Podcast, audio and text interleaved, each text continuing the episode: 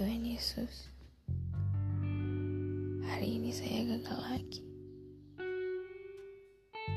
Saya sudah berdoa, Tuhan. Saya juga sudah berusaha, tapi masih gagal lagi. Tapi kalau kemarin ketika saya gagal, saya merasa hampir putus asa dan ingin menyerah. Hari ini, saya memutuskan untuk tetap percaya. Tetap percaya bahwa rencanamu Tuhan adalah selalu rancangan demi sejahtera, bukan rancangan kecelakaan. Saya percaya ketika waktumu,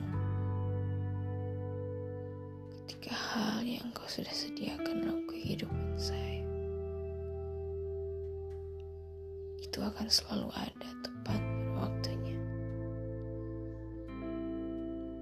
Terima kasih Tuhan.